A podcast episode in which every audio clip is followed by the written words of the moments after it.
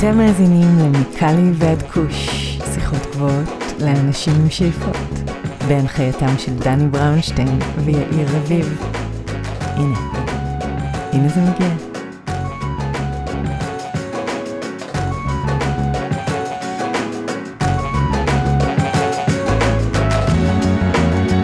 אהלן אהלן, מה קורה ארי? טוב, מה נשמע? אצלי סביר, איך אצלכם בישראל? נקודת האל חזור, לא סוג של. יש שיגידו שזה כבר עבר. כן. טוב, אז אה, בואו נתעסק בעניינים קצת יותר מעניינים ורלוונטיים למה שאנחנו עושים, אז כאמור אנחנו פודקאסט על קנאביס, אבל היום אנחנו מארחים בחור צעיר בשם דוקטור איתי כהנא, שמדבר איתנו דווקא על MDMA. אז דיברנו על פסיכודלים אחרים בתוכנית, הפעם החלטנו להקדיש פרק ל-MDMA, שהשימוש בו או בה אה, עולה בשנים האחרונות, אנחנו מדברים בעיקר על שימושים רפואיים ופסיכיאטריים. כמובן ש-MDMA היה קיים מאז ומעולם, או לפחות בעשרות שנים האחרונות, ולרוב השתמשו בו בנסיבות אחרות שהן לא רפואיות. אז uh, החלטנו להיכנס קצת פנימה, לעובי הקורה ולחקור ולהבין מה זה MDMA בעצם, ולמה אנשים צורכים אותו, אם זה לשימושים רפואיים או פסיכיאטריים. אז uh, זה פחות או יותר על מה שדיברנו בפרק, אז אני מציע שנעבור לפרק כרגיל ונקשקש כרגיל אחרי. מה אתה אומר? let's go. אוקיי, אז תנו כבוד לדוקטור איתי כהנא. כן. איתי כהנא, כן. בוקר טוב, מה שלומך? בוקר טוב, בוקר טוב. אה, אחלה, יום גשום, יום גשום. נהיה עניין של הרגל פה בלוס אנג'לס בפרקים האחרונים כל פעם שאני מדווח מלוס אנג'לס יורד גשם אז גם היום יורד גשם. תן לנו אוריינטציה גיאוגרפית אפרופו איפה אנחנו מוצאים אותך היום. אה, ליד הגרוב, זה במרכז, אז אה, אני חוטף פקקים, אה, לא משנה לאן אני נוסע. אה, אבל אה, מקום רק נחמד. להעביר למאזינים שלנו הגרוב זה קרוב לווסט הוליווד כן. גם בלוס אנג'לס. נכון? בדיוק. בברלי סנטר, ווסט הוליווד, כן. יפה. אז אה, ארי סינגר שותפי להנחיה נמצא בתל אביב ישראל ואני גם כמו תמיד גם פקקים. נמצא בלוס אנג'לס. מה אמרת ארי? אני גם חוטף פקקים.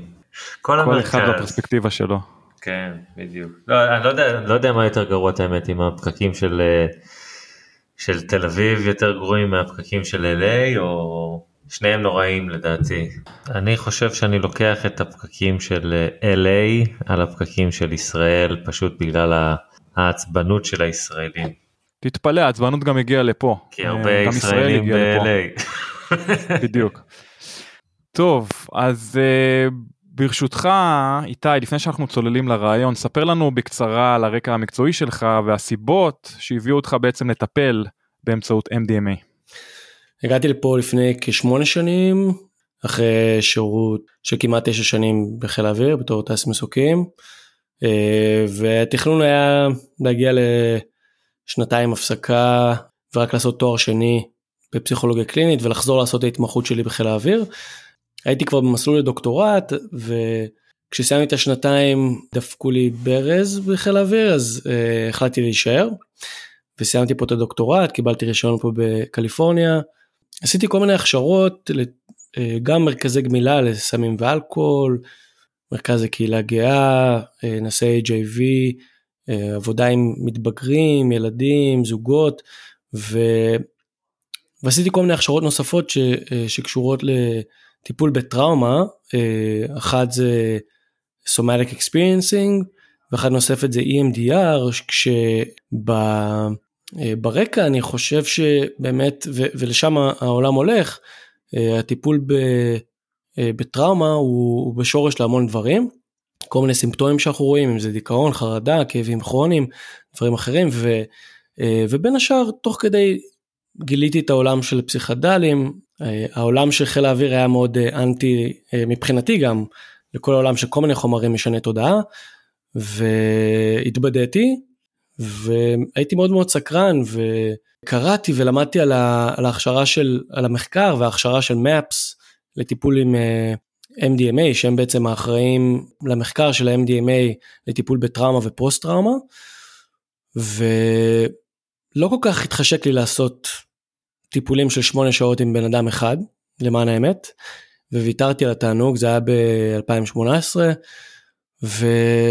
וככה זה חזר כל הזמן בכל מיני צורות, כל מיני התנסויות אה, וחוויות שלי, ובסוף החלטתי כן אה, לעשות את ההכשרה הזאת של מפס, אה, באמת התמזל מזלי, אה, אני יודע שהם גם סגרו את ההכשרה הזאת אה, לפני כמה חודשים, אז עשיתי אותה לפני כשנה, וזהו, ויש עוד כל מיני הכשרות ודברים נוספים שהתגליתי אליהם, אבל אני באמת חושב שזה עולם שמאוד מאוד קשה להגיע לה, לעומקים והרבדים שחומרי משנה תודעה ופסיכדלים יכולים לתת בטיפול רגיל, לעומת טיפול רגיל.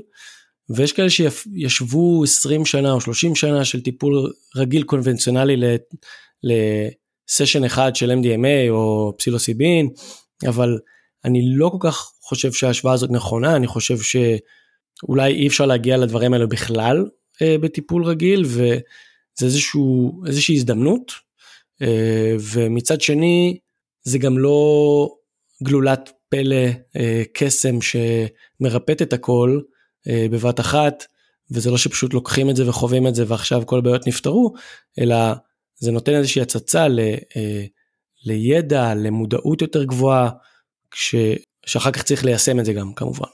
אז כאמור הפודקאסט שלנו עוסק בעיקר בקנאביס, אנחנו מדי פעם גם סוטים לעולמות הפסיכדלים, הקדשנו כמה פרקים לפסילוסיבין וגם ל-DMT, אבל כאמור על MDMA עדיין לא התרכזנו או לא דיברנו יותר מדי, אז כאמור MDMA יש לו כינויים רבים מאקסטזי, מולי ועוד כמה כינויים אחרים. מקבל בשנים האחרונות יותר לגיטימיות בקהילה הרפואית פסיכיאטרית כחומר לטיפול בבעיות נפש, בעיקר כמו שהזכרת דיכאון קליני ופוסט טראומה. אז מה זה בעצם MDMA ואיך הוא הגיע למעמד המחודש שלו כיום? אז MDMA אמור בכלל להיות אה, חומר שאמור לעזור אה, כנגד אה, נוגד קרישה בעצם של דם. ו... בעצם אה, סונטז לראשונה ב-1912 על ידי מרק, חברת תרופות גדולה, ובעצם כשפחות ראו את, ה, אה, את היתרונות האלו, אז אה, החליטו לא להשתמש בזה יותר. צבא ארצות הברית עשה כל מיני ניסויים בשנות החמישים עם, עם MDMA, אבל בגדול סאשה שולגין בתחילת שנות ה-70 בעצם סינתז את זה שוב פעם, את ה-MDMA. זה בעצם חומר שנוצר במעבדה, בדומה ל-LSD, אה, נוצר פשוט, אה, השימוש שלו נוצר קצת אחרי זה, אה, ובעצם משנות ה-70 סאשה נעזר בכל מיני קשרים שהיו לו עם, עם מטפלים כאלו ואחרים, כדי לנסות את החומר הזה ולראות מה, מה היתרונות שלו אחרי שהוא ניסה את זה בעצמו עם אשתו וגילה כל מיני דברים, יתרונות לגבי מערכות יחסים ו... אה, גילוי וביטוי של רגש. ובעצם כל מיני מטפלים התחילו יותר ויותר להשתמש בזה ועד אמצע שנות ה-80 היו מאות מחקרים אה, שכל מיני מקומות, כל מיני קליניקות אה, לגבי טיפול ב-MDMA, בעיקר אחד על אחד וגם בזוגות, ובעצם לא הייתה איזושהי הגבלה, כך שזה היה יחסית פרוץ, ו... יש הרבה אנשים שהתנסו בזה, גם אלו שלימדו אותי במאפס את, ה, את ההכשרה הזו, הם התנסו בתקופה ההיא וגם טיפלו בזה, ובעצם באמצע שנות ה-80 אה, אסרו על זה לשימוש, על MDMA ועל חומרים אחרים, הכניסו את זה ל-Classified AM1, ובעצם מאז זה לא חוקי, ומאפס מנסים אה, להפוך את זה לחוקי אה, שוב פעם. אבל בעצם מה ש-MDMA עושה ולמה הוא כל כך אידיאלי לטיפול בטראומה ופוסט טראומה, שלשם מפס אה, מכוונים, זה מנטרל איזשהו אזור במוח שהוא קשור בפחד, האמיגדלה, האמיגדלה השמאלית ספציפית, זאת אומרת זה לא מנטרל את הפחד לחלוטין, ובעצם מאפשר לנו לעבוד מעבר למנגנוני ההגנה שלנו, ולהיות באמת סקרנים לגבי כל מיני אירועים וחוויות ולחוות אותן בצורה מלאה עם כל הרגשות ש, שכלולים בזה, ובעצם לחוות חוויה, אפשר לקרוא לזה חוויה שנייה מתקנת כדי לשחרר משהו ולבטא משהו שלא לא בוטל לפני כן, אה, מכל מיני אירועים, כי היו כל מיני מנגנוני הגנה שנועדו לשמור עלינו ולהגן עלינו, ופתאום ב-MDMA לא צריך את זה, ואפשר להרגיש הכל, זה בנוסף להצפה של המוח בסרוטונין, שזה מה שנותן לזה את התחושה של הפסיכדליה, כי אתה לא באמת רואה כל מיני דברים, אבל uh, ההצפה של הסרוטונין היא, היא שנותנת את התחושה הזו, שבעצם מאפשרת המון אמפתיה כלפי עצמנו לגבי החוויות שלנו, הרגשות שלנו, וזה מוסיף גם אוקסיטוצין, שזה uh, הורמון שאנחנו מפרישים uh, בקיום יחסי מין, uh, בהנקה, שבעצם מאפשר חיבור בין אישי, שמשם גם רואים את, היתרונות בטיפול בזוגות למשל. וגם יש פה את הקשר הבין אישי בין המטפל למטופל, והנוכחות של המטפל שגם כן מאפשרת את הריפוי הזה שהמטופל מחפש. אז בעצם יש בזה משהו מאוד אידיאלי לטיפול בטראומה ופוסט טראומה. אני כן אגיד שמאפס אמנם המחקר הראשון שלהם ב, הוא על טראומה ופוסט טראומה, אבל אה, MDMA כמו חומרים אחרים, LSD, פסילוסיבין, מנסים לתת איזה קטגוריה שזה אמור לטפל במשהו מאוד ספציפי, אבל כנראה שזה מטפל בהמון דברים אחרים, אבל העולם המחקרי שלנו די מכריח אותנו לבודד משתנים, ואנחנו צריכים לעבוד על משהו מאוד ספציפי ומראים תוצאות טובות, אבל אנחנו נראה בשנים הקרובות עוד מחקרים נוספים של MDMA וחומרים אחרים שאמורים לטפל בהפרעות אכילה, בחרדה אה, ובעיות אה, נוספות ולהראות שזה עוזר, אבל הם, הם צריכים לעשות את זה ממש צעד אחרי צעד, כי זה קצת בלאגן להגיד שזה פשוט מטפל בכל הבעיות בבת אחת. ברור. עכשיו אני שנייה רוצה לחזור על uh, מה ממש קורה במוח שלנו בזמן שימוש ב-MDMA. האם יש הבדל בין משתמש בריא נפשית אה, לבין משתמש שהוא סובל מפוסט טראומה או דיכאון קליני מבחינת הפעילות אה, המוחית של MDMA? לא, אני אסייג ואומר שיש תיאוריות שאומרות שדיכאון מגיע ממקום של אה, לפעמים עם בעיה כימית של חוסר בסרוטונין, שיש גם מחקרים שסותרים את זה, אבל אם אנחנו ניקח את הגישה הזו אז זה יכול להשפיע קצת אחרת, כי בסוף אה, MDMA עובד על המון אה, הצפה של סרוטונין.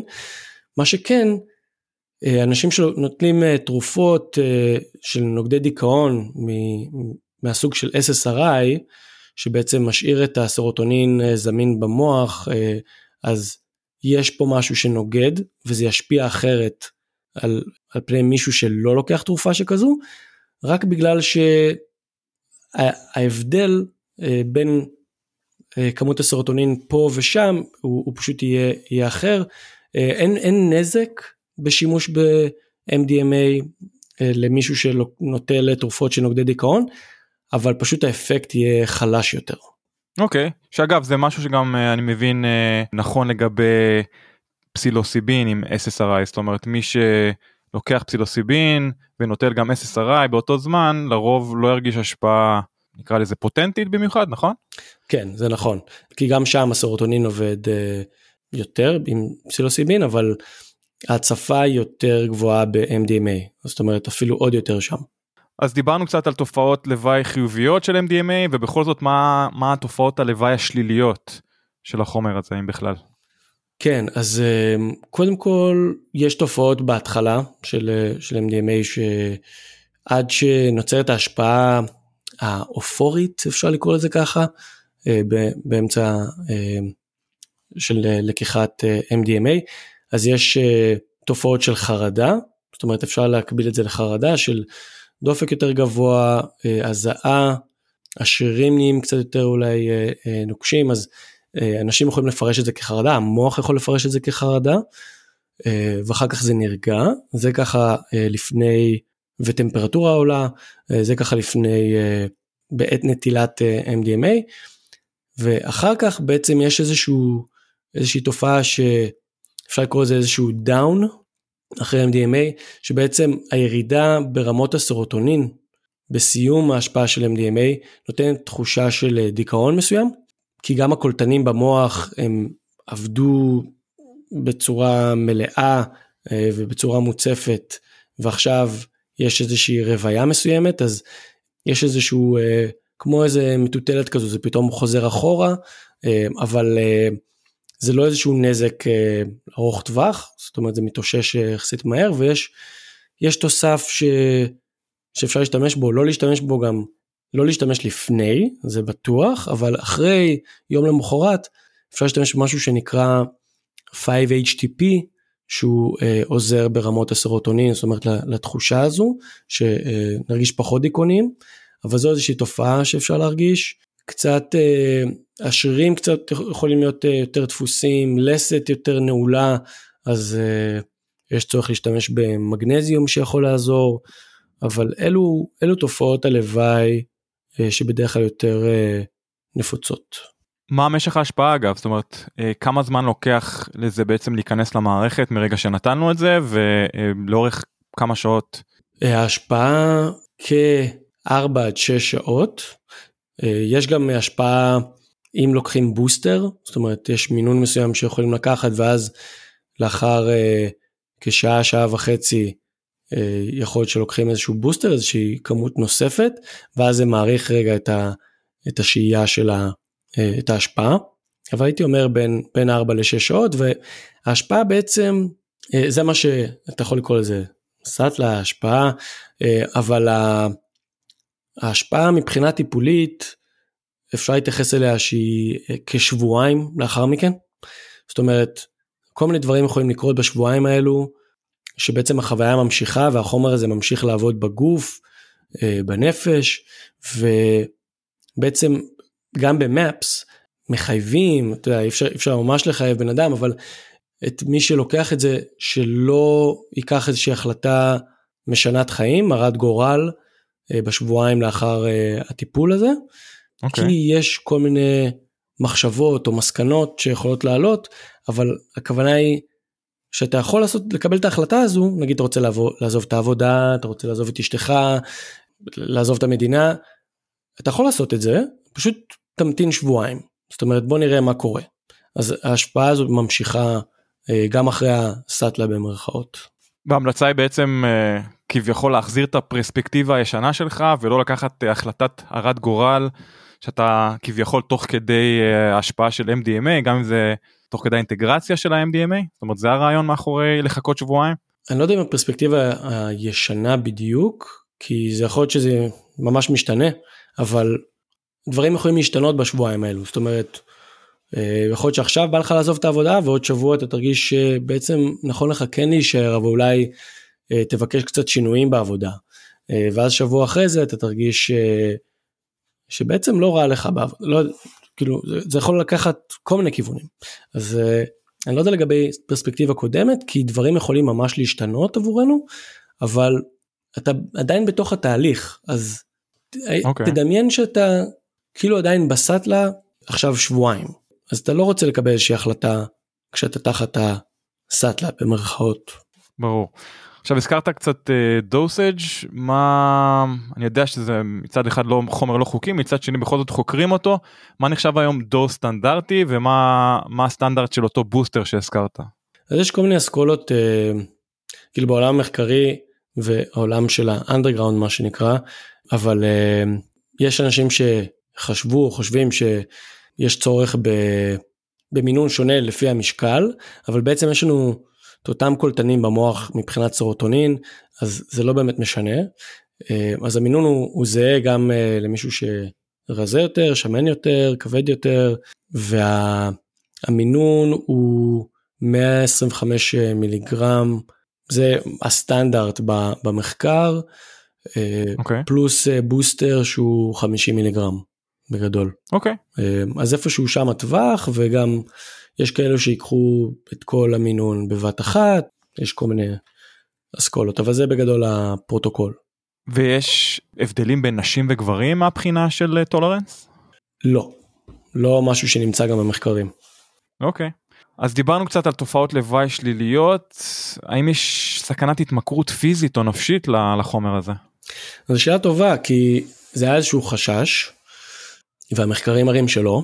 אני כן אגיד לך שאני גם עובד עם אנשים שגם עברו את הטיפול הזה ואחר כך הם בטיפול אצלי ויש יכול להיות איזשהו געגוע לתחושה או לחיבור עם המטפלים או לסיטואציות שהיו בהם ואולי איזה רצון לחוות את זה שוב בפן טיפולי, אבל אני אישית לא ראיתי את זה גם ממקום של אה, התמכרות, זאת אומרת פשוט רוצים את התחושה, את האופוריה הזו, זאת אומרת יש אנשים שהתייחסו לזה כסם אהבה, במקום הטיפולי פחות בא לך אה, במרכאות לחבק עצים ואנשים ופשוט לאהוב את העולם, זה יכול לעלות כל מיני תכנים גם פחות נעימים, וגם המחקר מראה שאין סכנה של התמכרות, ופשוט השימוש הוא, הוא, הוא שונה, אז אה, אז יכול להיות שזה בא משם שאין את הרצון הזה בעצם להשתמש שוב ושוב אבל זה נראה בטוח.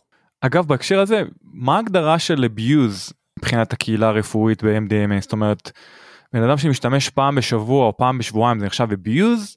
כאילו יש איזה בכלל המלצה למשתמש כל כמה זמן? נגיד שזה כרגע אה, משתמש אה, עם בעיות נפשיות דיברנו דיכאון פוסט טראומה האם אנחנו מדברים על טיפול או שניים במהלך כל חייו או אנחנו מדברים על סשנים של כל שבועיים כל חודש או כל תקופה מסוימת. כן אז במחקר מדברים על שלושה טיפולים של MDMA בהפרש של חודש אחד מהשני.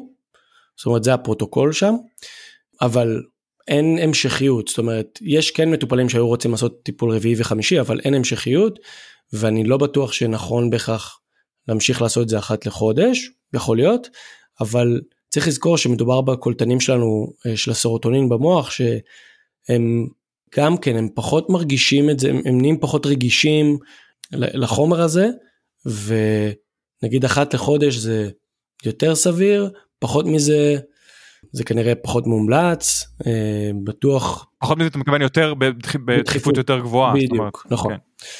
יש כאלו שיגידו שגם אפשר לפרוס את זה אחת לחודשיים אבל מבחינת דחיפות הייתי ממליץ לא לרדת מה, מאחת לחודש, בטוח לא אחת משלושה שבועות, אמ, גם לא ירגישו אותו דבר וגם אמ, יכול להיות שזה יעשה איזשהו נזק לקולטנים של הסרוטונין. מעניין. אז מצד אחד יש דיבור ש-MDMA ואולי גם פטריות פסילוסיבין יאושרו לשימוש רפואי סלש פסיכיאטרי בארצות הברית כבר בשנה הקרובה. מצד שני מדובר עדיין בחומר לא חוקי לצריכה, לא חוקי להחזקה ולקנייה. אז איך צרכן הקצה יכול לדעת את איכות החומר והחומרים הפעילים? שאלה אחת, והשאלת המשך, מהן הסכנות העיקריות בצריכה של MDMA שאינו טהור ונקי כמו שהיינו רוצים שיהיה? אני, אין לי תשובה מלאה לדבר הזה, כי uh, בסוף החומרים האלה שנוצרו למחקרים הם חומרים שנבדקו במעבדות, גם לפסילוסיבין, אמ, שזה אפילו עוד יותר בעייתי כי אמ, שם מדובר בפטריות ופטריה מקבלת יותר אור, פחות מים, כבר יש לה איזה פוטנט אה, אחר אה, ועוצמה אחרת. וגם ב-MDMA זה משהו שאפשר להכניס כל מיני חומרים פנימה, אז זה משהו שנכון לבדוק, יש כל מיני ערכות לבדיקת כל מיני חומרים, אמ, יש חשש להכנסה של פנטנל, כל מיני חומרים אה, ווא. שזה אופיאט שמכניסים אותו לכל מיני דברים היום שזה חומר מאוד זול. כולל אגב לממתקים של ילדים אה, ראיתי אה, בחדשות שהיה איזה ילד שנפטר מממתק שיוכנס לו פנטניל כנראה ממתק לא מאוד חוקי. כן כן ראיתי את זה זה כאילו זה מאוד מאוד עצוב כן ראיתי את זה זה אני לא יודע בדיוק מה הסיפור שקרה שם אבל כן מכניסים את זה בטח בעולם של כל מיני סמים אבקות לבנות למיניהן אז אה, כן מכניסים את זה וזה כן משהו שצריך לבדוק ובכלל כל מיני כימיקלים אתה צריך לסמוך על מי שנותן לך את החומר הזה ומאיפה הוא מגיע ולבדוק אותו אז אני לא יודע בדיוק להגיד מה מה יכול להיות מה לא יכול להיות אבל כן החומרים האלו מגיעים מ... אלו של המחקרים מגיעים ממעבדות וזה מאוד שמור אז, אז אפשר לסמוך על זה. האם אתה מכיר מקרים של מישהו שקנה אה, או השיג MDMA שהוא לא טהור כמו שהוא צריך להיות ו... ושילם בחייו. אמ, אני שמעתי על איזשהו מקרה מוות בקולורדו שאני לא יודע בדיוק מה, הנסיבות שמישהו נטל MDMA יש סכנות לאנשים עם רקע אה, של מחלות לב אה, ולחץ דם גבוה כל מה שקשור ב, אה, בעולם הזה הקרדיו אז יכולה להיות איזושהי סכנה וגם זה איזשהו סינון. זאת אומרת בלי, בלי קשר בלי קשר לניקיון של החומר או כן. לפיוריטי שלו? כן, כן. אוקיי. מחלת סכנה כי בסוף הלחץ דם עולה הדופק עולה וכן מישהו יכול לקבל התקף לב או דרום לב תחת ההשפעה. אמ, כן יכול להיות אה, סרוטונין אה, סינדרום אם אתה שזה משהו קצת פחות נעים שאם אתה לוקח למשל אה, 5-HTP לפני שאתה עושה את ה-MDMA אז זה יכול לגרום לזה כאילו יש לזה סיכון מסוים. פשוט הזמינות של, ה, של הסורוטונין וזה מציף את המוח בצורה שהוא לא יכול להתנהל עם זה כל כך. אז יכול להיות גם כן זאת אומרת משימוש לא נכון. אה, מחומר מסוים אני לא לא שמעתי על מישהו שנפטר מ-MDMA אבל יכול להיות זאת אומרת מ- מ- מתוספים מסוימים שלא לא ידעו שהכניסו לגלולה הזו. מה לגבי uh, תופעות אחרות שהן לא מוות אלא אתה יודע סיפורים uh, של uh, התפלפו uh, במהלך uh, טיפול או במהלך uh, חוויה עם MD uh, עד כמה זה נפוץ? Uh, בסוף uh, בטיפול יש חשיבות ל set and setting זאת אומרת ל mindset לכוונון להתכווננות של, של הבן אדם שמגיע לטיפול זאת אומרת עם איזושהי איזושהי הכנה שמגיעים איתה לטיפול וגם ל setting לאווירה למקום שאנחנו נמצאים בו זה מאוד שונה משימוש שהוא אה, במסיבות או עם חברים. בסוף המטופל שוכב אה, רוב הזמן עם עיניים מכוסות ובעצם ההשפעה גם החוויה היא שונה אז זה קצת שונה אבל אני כן ו- ואני פחות שמעתי על אנשים או לא שמעתי על אנשים שהייתה להם איזה חוויה של התפלפות כלשהי מ-MDMA זה משהו שאולי מסמים אחרים זה יכול לקרות לפעמים אבל uh, לרוב גם בגלל שימוש לא נכון. זאת אומרת החוויה היא בין אישית הריפוי הוא בין אישי בעצמו.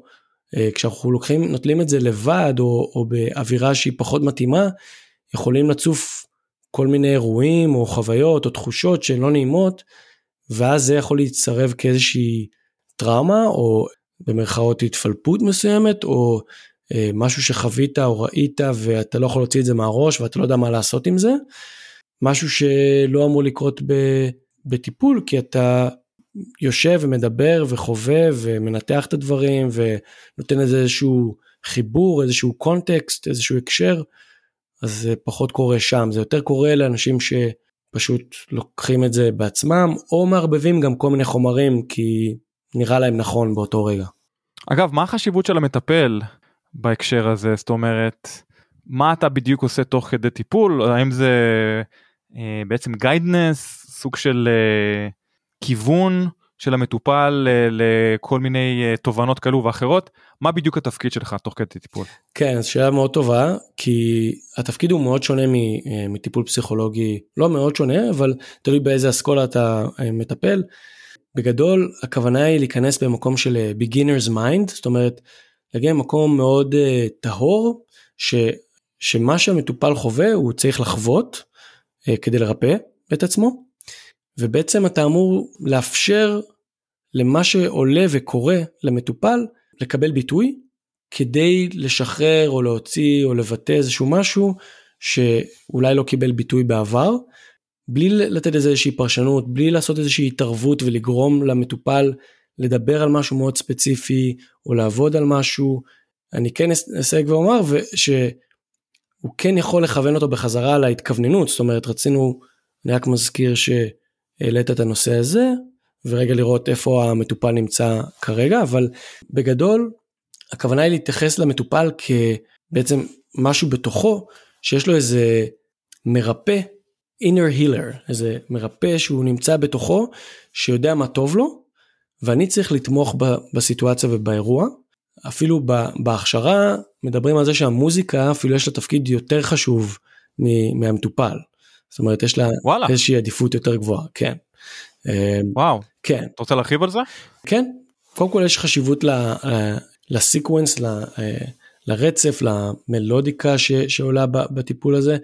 אה, דיברתי בהתחלה על התופעות של הכביכול כמו חרדה בתחילה בהתחלה של הטיפול ב-MDMA בשעה וחצי הראשונות למשל ואז בהתחלת, בתקופ, בזמן הזה צריכה להיות מוזיקה שהיא יותר רגועה, שתומכת את זה, זאת אומרת כדי להרגיע את מערכת העצבים, ואז כשהגוף יותר נרגע ויותר נפתח והלב יותר נפתח, אפשר לקרוא לזה ככה באיזושהי צורה, המוזיקה משנה גם קצב, אה, והיא אה, הופכת ליותר, עם יותר קצבית, ועם יותר אה, מלנכולית, ויש בה יותר רגש, ואז לאחר מכן כשההשפעה גם לאט לאט פגה, אז המוזיקה גם כן הופכת להיות יותר רגועה שוב פעם, וגם המוזיקה חשוב שלא יהיה לה, לא, לא יהיו מילים ש, שנבין, זאת אומרת זה צריך להיות, אם יש שירה אז זה צריך להיות בשפה שאנחנו לא מכירים, אה, ועדיף שאולי... מה הסיבה לזה אגב?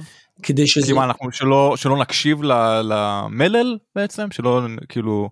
כן, שלא תהיה... נשתרך אחרי המלל? Mm-hmm. כן, שלא תהיה השפעה ופרשנות עכשיו של איזה משהו לוגי, אה, של איזה מלל ונעקוב אחריו, וגם אולי זה יעלה כל מיני קונוטציות אה, מאוד ספציפיות שאין לנו כוונה, זאת אומרת יש יותר חשיבות למוזיקה עצמה מאשר למילים, למשמעות של, המילים.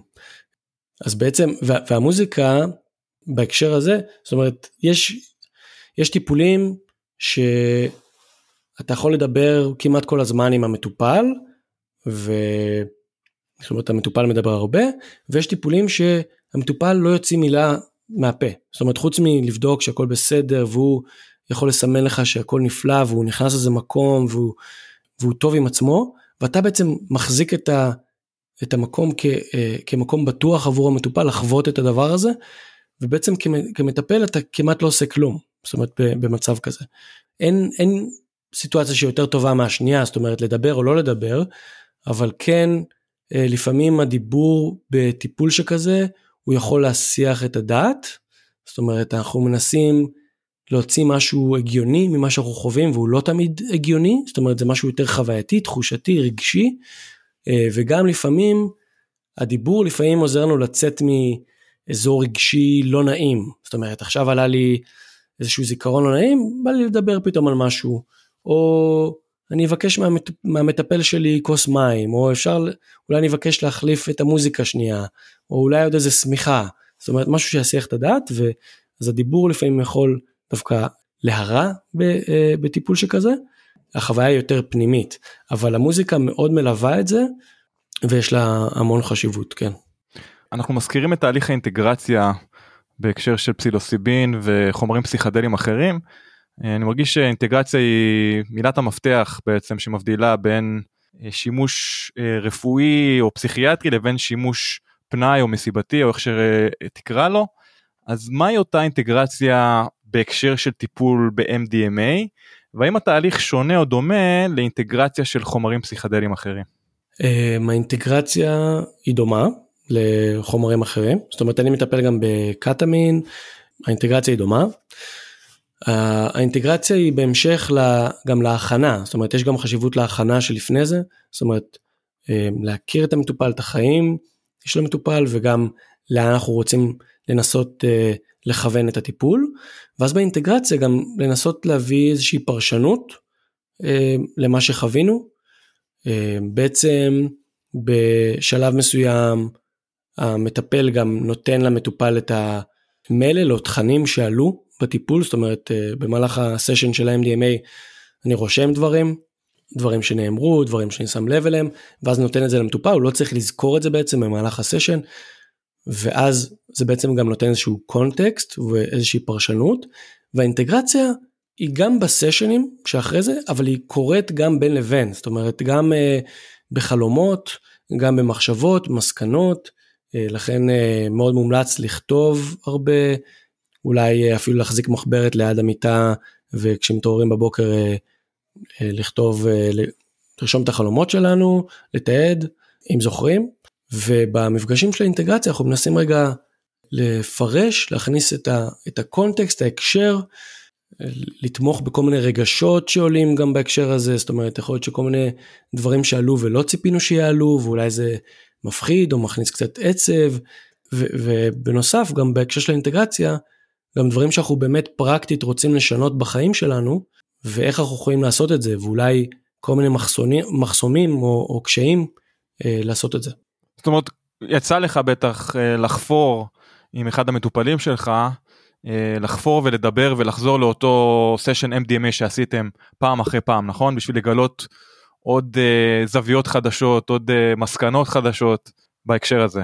זאת אומרת, ב, אתה מתכוון בסשנים שנגיד חודש לאחר מכן?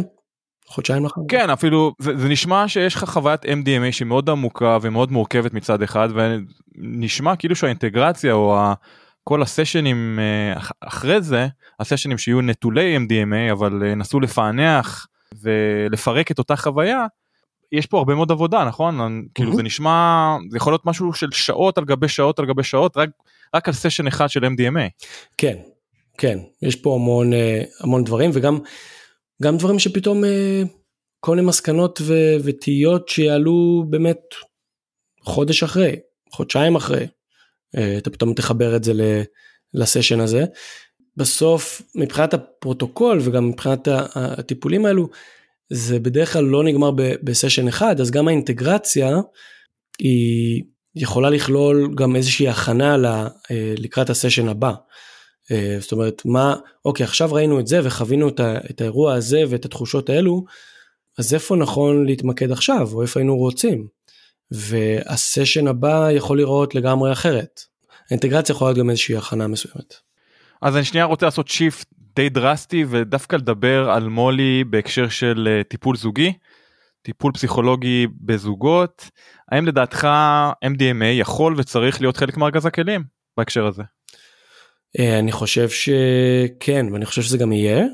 גם חלק מהמחקרים של מאפס הם עשו עם, אה, עם זוגות ויהיו עוד מחקרים כאלו. וגם בעבר לפני שזה הפך להיות לא חוקי אז טיפלו בזוגות והיו תוצאות טובות ובסוף בגלל שהבן אדם שהוא תחת ההשפעה הוא בגדול פותח את הלב, אז יש פה איזושהי הזדמנות של זוג ששניהם עם לב פתוח בעצם, אה, לדבר על דברים ולהרגיש דברים. וגם יש פה את ההקשר של האוקסיטוצין שהוא אה, מחבר, זאת אומרת הוא, הוא יכול אה, לחבר בין בני הזוג, והסרוטונין גם מאפשר להיות יותר אמפתיים כלפי השני. אז יש הרבה יותר הכלה והבנה.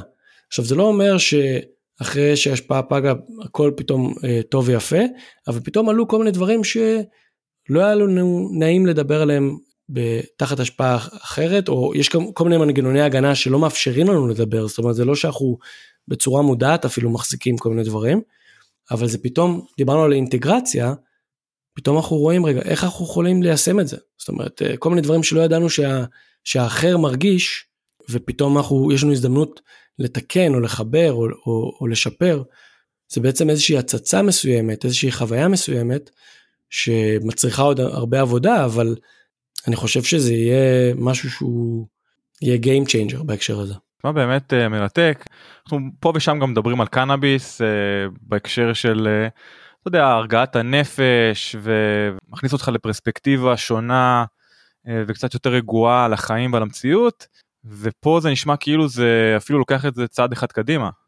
השאלה היא כמובן האם זוגות עם אה, בעיות כאלו ואחרות לא כל פעם יחזרו לחוויית ה-MDMA בשביל לנסות לתקן דברים, האם זה לא יהיה ה-go to solution אה, לזוגות שפשוט אה, לא מסתדרים אחד עם השני. זה לא יתקן דברים, זאת אומרת זה לא, שוב פעם, זה לא איזה גלולת פלא, וגם, אתה יודע, יכול להיות. זה נשמע כאילו שזה יותר גלולת פלא לתקשורת בין אישית או תקשורת זוגית. כן וגם לה, כן ולהרגיש זאת אומרת בסשן כזה יכול להיות שהזוג ירגיש שלא נכון להם לחיות ביחד. יכול להיות שהם okay. אוקיי. יגידו וואו אני כל כך אוהב אותך אותך ואני באמת חושב שנכון לנו לא לחיות ביחד ואולי האחר אה, גם ירגיש ככה ואולי ואולי לא, ואולי יש שם בכי והכלה, ואתה יודע, זה, זה לא בהכרח אה, תמיד בסוף טוב, אנחנו מחברים את זה והכל נפלא והזוג הזה יישאר ביחד, אלא יכול להיות שיהיה סוף טוב לשני בני זוג במקום שהם דווקא יסיימו את זה. בזווית מסוימת זה מפקח אותם דווקא, זה שם שמפקח את הזוג בצורה כזו או אחרת. כן, זה, זה, זה כאילו אה, פורס את, את, את הקלפים, פותח אותם, שם אותם על השולחן, רואים הכל, מרגישים הכל, ועכשיו מה אנחנו רוצים לעשות עם זה. מעניין. הייתי יכול לדבר על זה שעות, אבל ברשותך אני רוצה לעבור לשאלות אישיות. יאללה. אז שאלת מיליון הדולר, האם אתה בעצמך התנסית בחומרים משני תודעה בעבר או בהווה? ספר לנו על חוויה אם זה MDMA או חומר אחר שלקח אותך באמת למסע בלתי נשכח. אז אני כן, אני חוויתי, עשיתי את, ה, את הטיפול הזה, ואני כן אגיד שיש הרבה שראו גם את, ה, את הסדרה של מייקל פולן, How to Change Your Mind, ויש שם איזה סיטואציה שהוא מתאר אה, איכשהו, אני יודע, אני, אני לא בטוח שזה בדיוק זה, אבל שהוא מרגיש שהוא משתין יהלומים, וזה, זה, ובעצם כל מיני דברים שהוא רואה, ועכשיו, זה קצת אה, מגמד את החוויה, זאת אומרת הוא, הוא אה, נותן איזשהו פן מאוד אישי שלו, חוויה שלו, שהחוויה של כל אחד היא, היא תהיה מאוד שונה. זאת אומרת, כל מה שאני אגיד זה לא בהכרח אה, משהו שמישהו יחווה. אנשים חווים דברים מאוד מאוד שונים, וזה לא כמו להיכנס לאיזה גן שעשועים ועכשיו לראות איזה משהו, איזה עולם קסום, אה, איזה יער שלא ראינו בעבר. ואני אישית, אה, זה מאוד עזר לי בעבודה עם אה, אובדן מסוים שחוויתי, אני לא, לא אכנס יותר מדי פרטים, אבל להרגיש דברים שהיו לי מחסומים להרגיש אותם ולבטא אותם, שהייתי צריך ב- להתאבל הייתי צריך להרגיש אותם בשביל להתאבל לחלוטין. אה, וזה משהו שאני לא בטוח שלא הייתי יכול להגיע לזה אחרת, אבל אני חושב שבטוח היה לי מאוד קשה, ועובדה שהגעתי לזה ככה. אז אה, זה מאוד מאוד עזר לי. אז זה ככה בחוויה שלי, אבל באמת אה, חוויות של אנשים יכולות להיות מאוד מאוד שונות, ו... גם ההתכווננות שלנו, גם אם נגיד אני רוצה להגיע ל, להתאבל, סבבה, נגיד ההתכווננות שלי להתאבל על מישהו, יכול להיות שהחוויה עצמה, תחת ההשפעה, היא תיראה אחרת לחלוטין. זאת אומרת, פתאום ה-MDMA או כל חומר אה, משנה תודעה אחר, ייקח אותך למסע שהוא הוא לא בהכרח לוגי, הוא לא, אתה, אתה לא בהכרח תבין את ההקשר, אתה לא, אתה לא תגיד, רגע, מה הקשר בכלל לאובדן שלי פה? זה לוקח אותי לכיוון אחר לגמרי, אבל יכול להיות שזה כן קשור, אבל מבחינה, מבחינה לוגית, מבחינה ליניארית, זה, זה, לא, זה לא הגיוני, אבל, אבל זה כן הגיוני לגוף שלך, לנפש שלך. אז החוויות יכולות להיראות בצורות מאוד uh, מפתיעות תחת ההשפעה. מעניין מאוד. אגב, שהזכרת את הקורס במפס, האם הם uh, מכריחים אותך במרכאות ליטול MDMA כחלק מהקורס האם זה חוויית חובה מה שנקרא אם אתה רוצה להיות uh, מטפל? הם לא יכולים לעשות את זה כי זה לא חוקי. זאת אומרת אם אתם ברור ברור להכריח במרכאות בגלל זה אני אומר כן. זה לא בדיוק להכריח אי אפשר אבל האם זה משהו שמומלץ על, על ידם למטפלים לעשות? זה מומלץ אמ, והם הציעו את זה כשזה היה אפשרי תחת המחקר בעצם אמ, שם עשיתי זה גם אבל uh, הם נותנים, הם כן מכריחים אותך לחוות כל מיני דברים אחרים שהם משנה תודעה, uh, אם זה uh, טיפוף שמאני, סאונד באת', הולוטרופיק breathwork, כל מיני תרגילי נשימה כאלה שגורמים לשינוי yeah, תודעה. מדיטציה. כן, אז את זה הם כן מכריחים, שתהיה לך איזושהי התנסות שתדע איך זה מרגיש, חוויה כזו, אבל מעבר לזה פשוט הם לא יכולים להכריח. ברור. אז אה, מה הטיפ הראשון שהיית נותן לאנשים ששוקלים לטפל בעצמם באמצעות MDMA, או אם תרצה עשה ואל תעשה? שאלה מורכבת. אני חושב שכאילו מבחינה טיפולית, אל תעשה לבד, ואל תעשה את זה עם מישהו שלא איש מקצוע, או גם, גם עם מישהו מאוד קרוב אליך, אני חושב שכאילו מבחינה טיפולית, להיכנס באיזושהי התכווננות כזו, זה... Yeah. אה, יכול לעלות כל מיני תכנים שאולי אתה לא רוצה שהבן אדם לידך ישמע או יכיר או ידע, כי אתה לא יודע מה זה יכול לעלות, וזה יכול לשנות דינמיקה ומערכות יחסים עם אנשים. ומן הסתם אנשים לוקחים את זה בכל מיני סביבות והמשיכו לקחת את זה, אז חשוב שזה יהיה בסביבה נכונה, אה, תומכת, שיהיה מקום לפנות אליו או לאן ללכת אם, אם צריך, אם פתאום לא מרגישים נכון. שיהיו כל מיני אופציות, כי יכול להיות שתהיה חוויה נפלאה והכל טוב, ויכול להיות ש, שגם לא. אז אה, כן, אני לא יודע אם זה עונה בדיוק על השאלה, זו שאלה מורכבת קצת. בהקשר של תופעות לוואי יש אלו שהם אה, תוספי תזונה כאלו ואחרים שמומלץ לצרוך אם זה לפני הצריכה או אחרי הצריכה הזכרת 5-HTP אם אני לא טועה מהמם. בנוגע לאחרי אבל מה מה לגבי לפני או תוך כדי לאכול לצרוך כן, אז לפני אה, אה, מגנזיום, וגם אחרי מגנזיום, מגנזים אוקיי אוקיי אה, בגלל ההשפעה על השרירים. יש כאלו שיגידו ויטמין C, ויטמין E, יש עוד כמה תוספים כאלו ש, שמוסיפים שזה הולך ומשתנה. אלה אני הייתי אומר המאסט, גם 5-HTP זה לא מאסט, לא לכולם יש את התחושה של הדאון אחרי זה. יש אה, שיגידו ש-CBD אחר כך אה, כן יכול לעזור, יש כאלה שיגידו שעדיף שלא, שזה מוציא מה, מהחוויה עצמה. Hmm, אה, מעניין יש איזושהי איזשהו אה, אני לא חושב שזה מבוסס על משהו מחקרי אבל אה, בהקשר של אשכוליות ל-MDMA שאם שותים המון וואלה. מזה שזה יכול להשפיע באיזושהי צורה אבל זה ברמת ה... אה זה, כ- זה כמות פסיכית של אה, מיץ אשכוליות שאתה צריך לשתות זה מה שאתה אומר כן זה מה זה כמו- שאומרים. כמו אני, הג- אה, אוקיי. מרגיש כמו שפה האגדה עם. המנגו, כן כן האגדה של הקנאביס והמנגו אבל כן, זה- זה מסתבר. שזה נכון עם המרסין. זה לא נכון מה נכון לא? ארי אתה אתה צריך לדעת אומרים לא, שזה זה שטויות, נכון שהמרסין. באמת אה, עובד, אומרים. מגביר את אומרים. היכולות של ה-THC להסתפק. במוח. ניסיתי לא לא עבד לא? לא עובד אולי צריך אה, מנגו מיובש ולא זה לך תדע. כן כן או THCA ולא THC אני אנחנו מכירים את כל הברו סייאנס וכל הסיפורי אה, אגדות אה, אם זה בהקשר של קנאביס או סמים אחרים כולל אגב הפליפים שהזכרת ארי. לא להגיד ברור שכמובן בן אדם יכול להתפלק מסמים קשים אבל לרוב זה תקן אותי אם אני טועה דוקטור כהנא לרוב זה ייגרם או ממצבו הנפשי הבעייתי אם זה מחלות רקע נפשיות כמו סכיזופרניה וכולי או בגלל אה, סם שהוא לא נקי ועשיר בכל מיני חומרים אה, אחרים מלוכלכים אה, לא חוקיים. נכון? אלו הגורמים העיקריים לאותם כן. התפלקויות או איך שלא תקרא לזה. נכון. זה משהו פנימי ש... שכנראה היה צריך להשתחרר ופשוט לא לא הייתה הכנה מספקת וזה עלה תחת ההשפעה.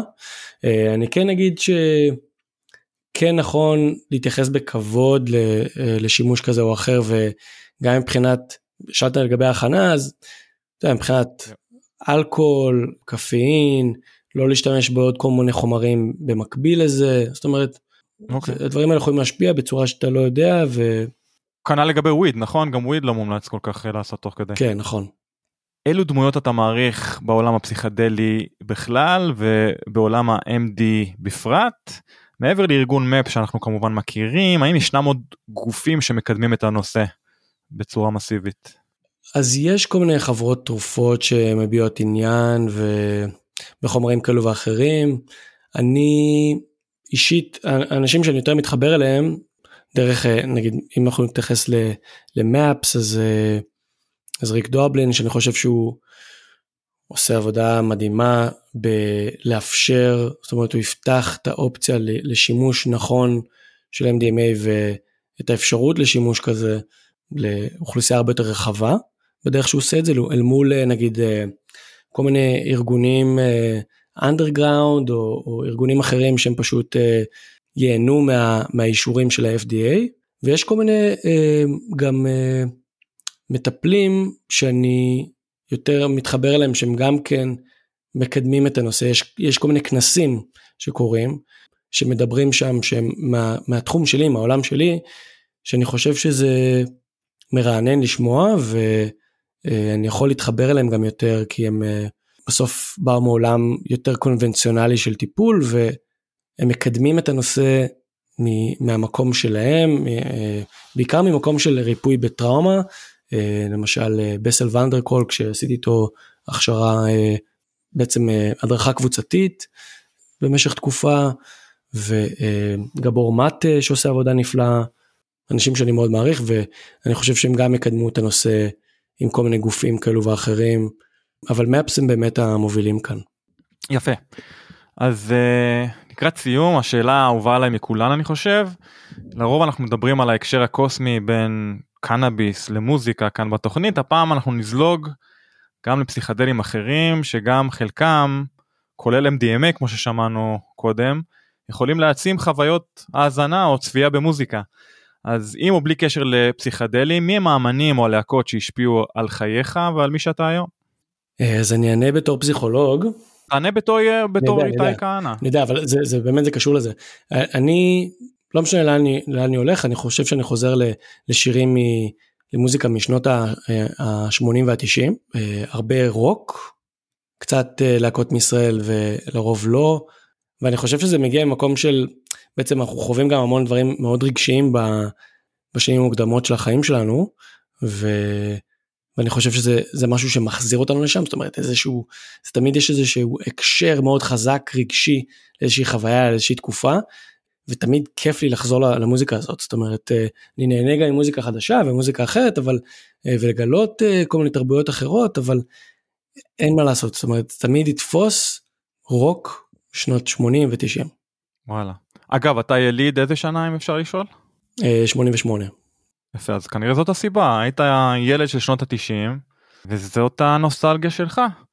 אנחנו לרוב מעצבים את הטעם המוזיקלי שלנו עד גיל 29, שלגילאי אני חושב 8 עד 18 יש אה, השפעה חזקה במיוחד על הטעם המוזיקלי שלנו, על מי שאנחנו, על האישיות שלנו כמובן וכולי וכולי. אתה רוצה להזכיר אמנים ספציפיים או אלבומים ספציפיים שגדלת עליהם או שאתה נהנה להאזין להם? אה, אני יכול להגיד קווין, אוייזס, רד או צ'ילי פפרס, מוניקה סקס, דברים כאלה נוסטלגיים. באמת נוסטלגיים. לפני שאנחנו מסיימים, איך אנחנו יכולים, איך אנחנו המאזינים שלנו יכולים לעקוב אחריך, אחרי הפעילות שלך, אם זה אונליין או במקומות אחרים. אז יש לי דף בפייסבוק שהוא יותר פעיל האמת מאינסטגרם, אני קצת פחות uh, מתחזק את האינסטגרם, אבל משתדל uh, לפרסם שם גם קצת.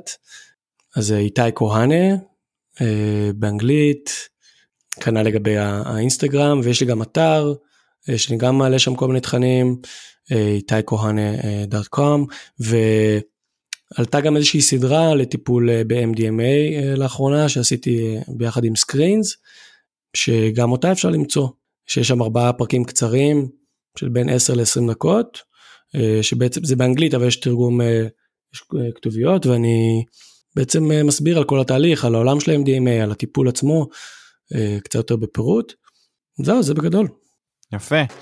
אז דוקטור איתי כהנא, תודה רבה רבה שהצטרפת לתוכנית שלנו היום, היה ממש מעניין ואנחנו נשמח להרחיב אפילו עוד על הנושא בעתיד, ונאחל לך כמובן הצלחה רבה גם בחיים המקצועיים וגם בחיים האישיים שלך.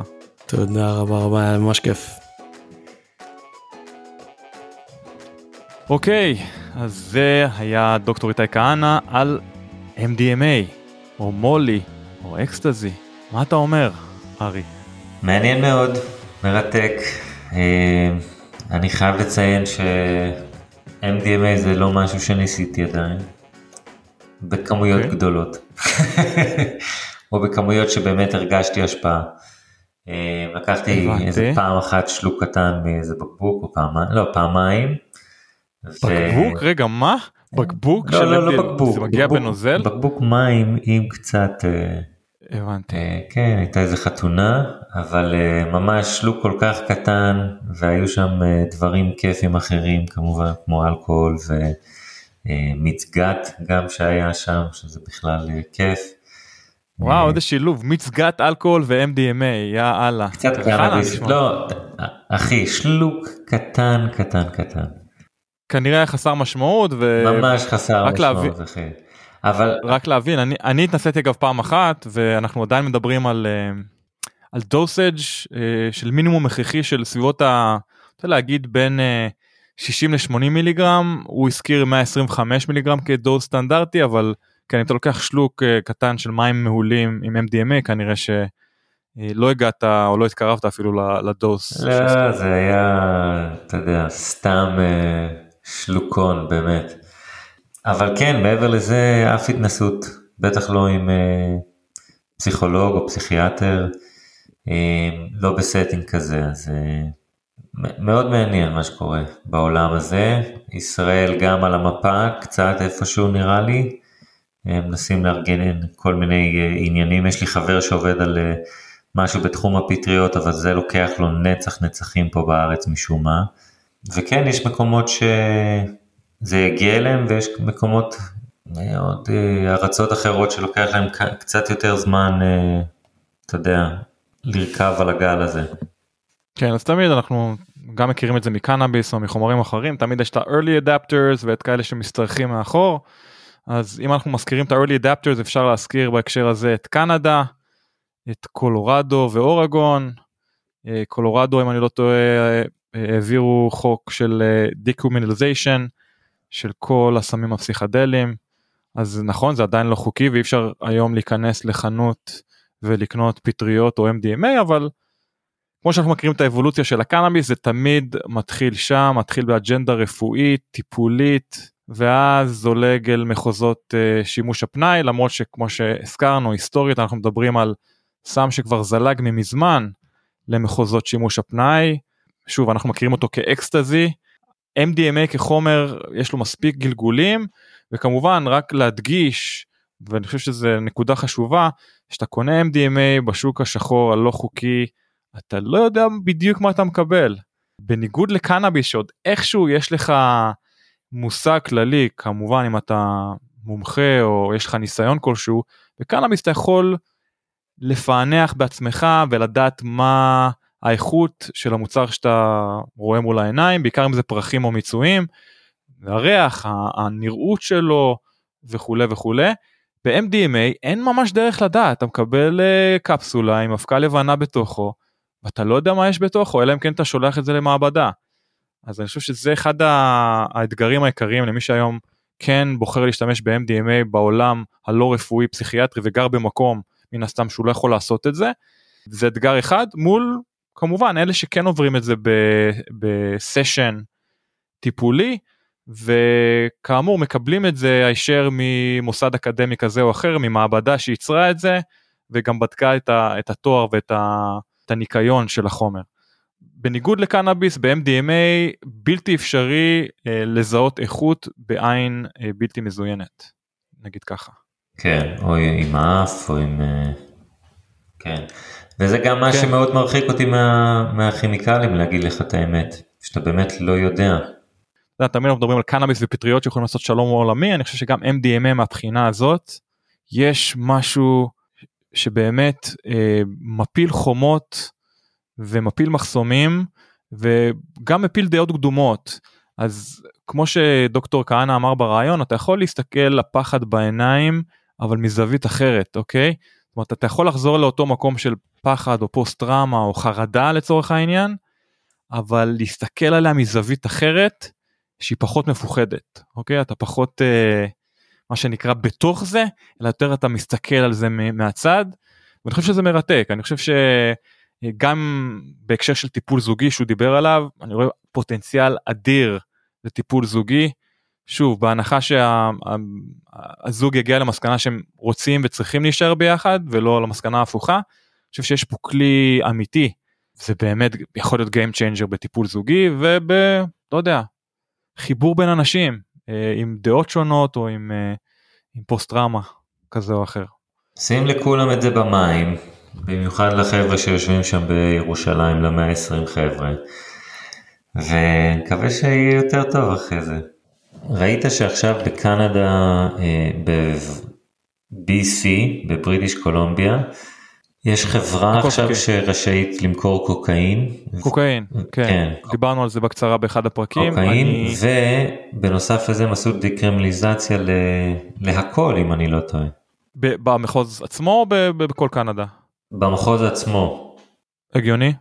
גם פורטלנד עשו לחלוטין. את זה עכשיו, אז זה הולך להיות ניסוי מעניין, אתה יודע, לתת לאנשים חופש uh, מוחלט ולראות מה קורה. וגם אוקלנד עשו את זה, אוקלנד uh, כעיר. עשתה decriminalization של uh, פסילוסיבין ואחרי זה אני חושב פסיכדלים אחרים אז גם באוקלנד זה לא לא חוקי. אן ארבור מישיגן גם. וואלה. כן לא כן. ידעתי. כן כן.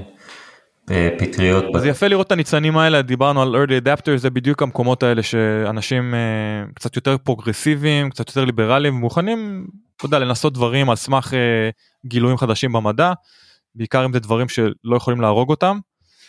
שוב, הנושא אם להפוך את כל הסמים לחוקיים או, או ל... אני אקרא לזה לא פליליים, אדיש. די באמצע, זאת אומרת, אני, אני לא בעד ואני לא נגד אדיש, כל כך. אדיש למצב. אני לא אדיש, אני, אני לא, חושב זה- שזה ז- דווקא... זאת הטר- הטרמינולוגיה שהכלכלנים משתמשים בין זה שאתה נכון. אתה לא מעדיף איזושהי אלטרנטיבה אחת על פני השנייה, אתה אדיש למצב, או זה או זה. תשמע, מצד אחד, מצד אחד המלחמה אה, על הסמים אה, בכללותה לא הוכיחה את עצמה. לא הברית, לא בישראל, לא בכל, לא בכל אה, מקום אחר בעולם, לא משנה אם זה מדינה מערבית או עולם שלישי, אין, אין, זה לא, זה לא עובד. יש עדיין סמים רצים בכל מקום, גם במקומות שכורתים לאנשים ידיים על, על עבירות כאלו, זה עדיין קורה, זה עדיין קיים, כן? מצד שני, אני- תשמע, אני באמת חושב שסם כמו קוקאין או הירואין הם לא סמים טובים לחברה שלנו, הם לא עושים אותנו אנשים טובים יותר. הם, הם לא הופכים אותך להיות ארי טוב יותר או הגרסה הטובה ביותר של עצמך, אם נשתמש בקלישאה הזאת. אז אתה יודע, זה, זה יותר דעה אישית שלי, אני מאוד uh, מתחבר לסמים וחומרים שהופכים אותנו לטובים יותר, לאנשים טובים יותר, לאנשים הגונים יותר, לאנשים סובלניים יותר וכולי וכולי. פחות בעניין של uh, סמים שהופכים אותך לדושבג או לאסול, בעיקר אם זה משהו שהוא ממכר אותך עד מוות, כן, כמו קוקאין או הירואין, אז אני לא רוצה לשפוט אנשים שמשתמשים בסמים האלה, ו- אבל אני לא בעד, אני לא משתמש בהם, ואני לא חושב שהם צריכים להיות חוקיים. שוב, בין זה לבין uh, לעצור uh, מישהו uh, או לתת לו 20 שנה בכלא על... uh, על, על החזקה של קוקאין, לא יודע, גם את זה לא הייתי עושה. אז בגלל זה אני חושב שהמקום הוא איפשהו באמצע, מצד אחד צלחנות וחינוך, מצד שני, כן, צריך, לה- יש כמה סמים שצריכים אה, להישאר לדעתי מחוץ לחוק, עדיין.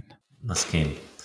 בואו נדבר אה, רגע על משהו מעניין שקלט אותי ואני בטוח גם אותך, הקטע הזה של המסע והמוזיקה שמלווה אותך, או אתה מתלווה אליה, יותר נכון, אני לא יודע איך, אה, לאיזה כיוון אתה הולך עם זה, כן, עם ה... אבל הקטע של המוזיקה בתוך הטיפול הוא מאוד מאוד מעניין וזה קורה גם עם אה, פטריות וגם עם MDMA. ומעניין עד כמה חקרו את הדבר הזה, כן, של הסגנון מוזיקה, של מה הם משתמשים, מתי הם משתמשים בזה, מי בכלל בוחר את המוזיקה הזאת, כן, באיזה מצב הוא נמצא כשהוא בוחר את המוזיקה הזאת גם. שאלות מעניינות, בהחלט אה, נושא מעניין, אני קודם כל מאוד הופתעתי לשמוע את זה לגבי MDMA, אנחנו מדברים על זה בהקשר של קנאביס ופסילוסיבין, אבל כן, גם MDMA מסתבר שהמוזיקה והאווירה והסט והסטינגס חשובים. תשמע, קצרה היריעה מלהדגיש כמה, אה, כמה כוח יש למוזיקה, כוח ריפוי, ואם אתה מוסיף לזה עוד substance פסיכדלי כזה או אחר, אז אה, הכוח ריפוי רק אה, אה, עולה ב- בעשרות מונים אולי. אני בטוח שיש אנשים שחוקרים את זה, אנחנו עוד לא דיברנו איתם לצערי, אני אשמח, יותר מאשמח לראיין מדען או חוקר ש, שבודק את, ה, את הנושא הספציפי הזה. לגבי איזה מוזיקה, אני חושב שזה זה בדיוק הסימן השאלה הגדול, כי תשמע, מוזיקה פסיכדלית אין לה הגדרה מדויקת, כן? אתה יכול להגדיר מוזיקה פסיכדלית בכל מיני אופ- אופנים, אנחנו יודעים איך, איך אנחנו, למה אנחנו קוראים מוזיקה פסיכדלית. עדיין אני חושב שזה טעם אישי, זאת אומרת, הרבה מזה זה טעם אישי, ויש אנשים שיעדיפו בטריפ שלהם סוג מוזיקה, נקרא לזה יותר אה, אנלוגי, אה, רוק פסיכדלי, אה, אה, ג'אז, פאנק ישן וכולי, ובצד השני של המתרס יש אנשים שיעדיפו דווקא את הצד ההפוך.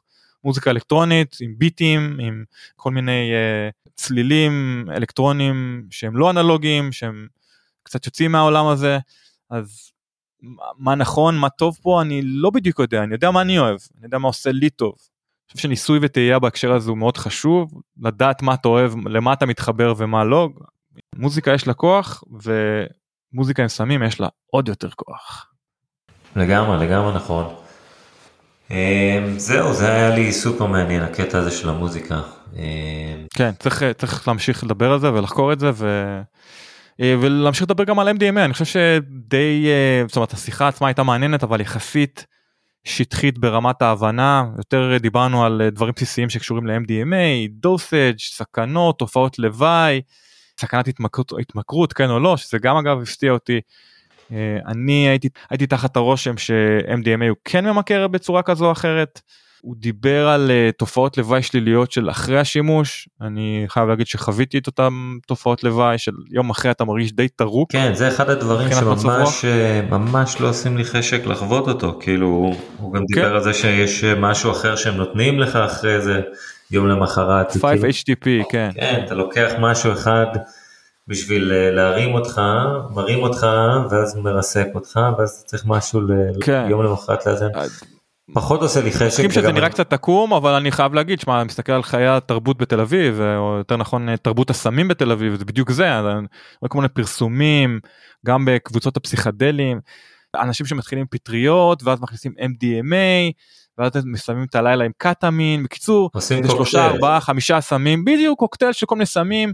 אה, רובם לא חוקיים חלקם גם נקנה אני לא יודע בפיצוצייה כזו או אחרת אם אנחנו מדברים על חגיגת או משהו מהסוג הזה יש באמת המון סמים, כולם או רובם ככולם לא חוקיים, קנאביס שימוש רפואי, אלכוהול חוקי, הסם החוקי היחידי וסוכר כמובן, סם אהוב עלינו. קפאין. קפאין, כן, חוקי. טבק. כן, זה סם. שורה תחתונה, אני חושב שזה סוג של ADHD של סמים, אתה יודע, זה, זה, זה, זה כאילו סימבולי מאוד לדור שלנו, אותו דור צעיר שלא יכול להתרכז במשהו אחד אה, יותר מחמש דקות אז אה, הוא החליט שהוא במקום לבחור סם אחד הוא יבחר כמה סוגי סמים ואז הוא לא יפסיד שום דבר בעצם. לפעמים כל המרבה גורע אה, או כל המוסיף גורע נגיד ככה ובהקשר של סמים אני חושב שזה נכון מאוד.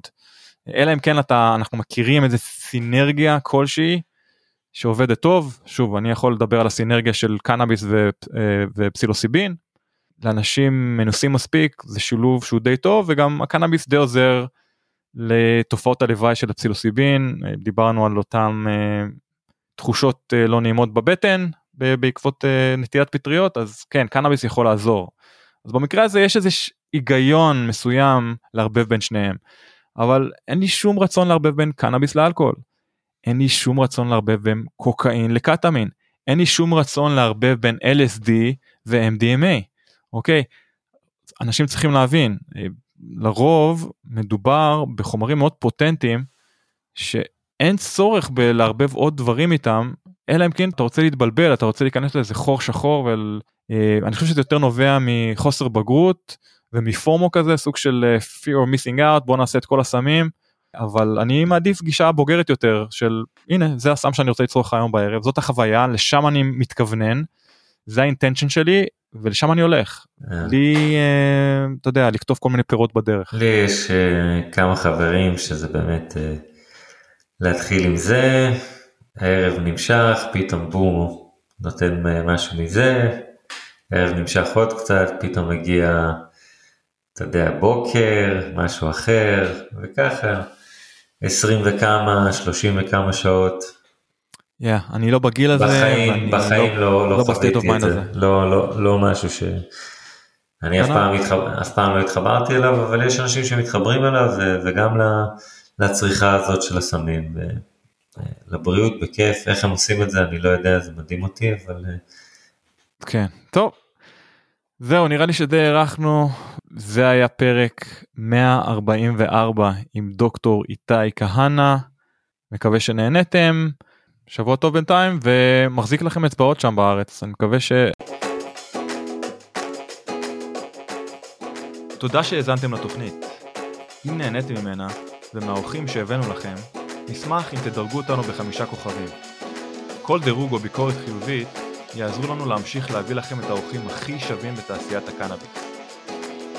יש לכם הצעה לאורח או נושא מעניין? נשמח לקבל בקשות והצעות לגבי נושאים או אורחים שמעניינים אתכם, המאזינים שלנו. אנא כתבו אלינו ל- From Kali to Push at gmail.com From Kali to Push במילה אחת at gmail.com אנא אל תיקחו את האינפורמציה שמוגשת בתוכנית כעצות רפואיות או עסקיות. צרו קשר עם הרופא שלכם או כל גוף רפואי מורשה אם אתם מעוניינים לצרוך קנאביס לשימוש רפואי. התוכנית נעשית מתוך אהבה ותשוקה לצמח הקנאביס, אך אינה מעודדת קנייה לא חוקית של מוצריו. תודה על ההאזנה, נשתמע בקרוב. צ'או.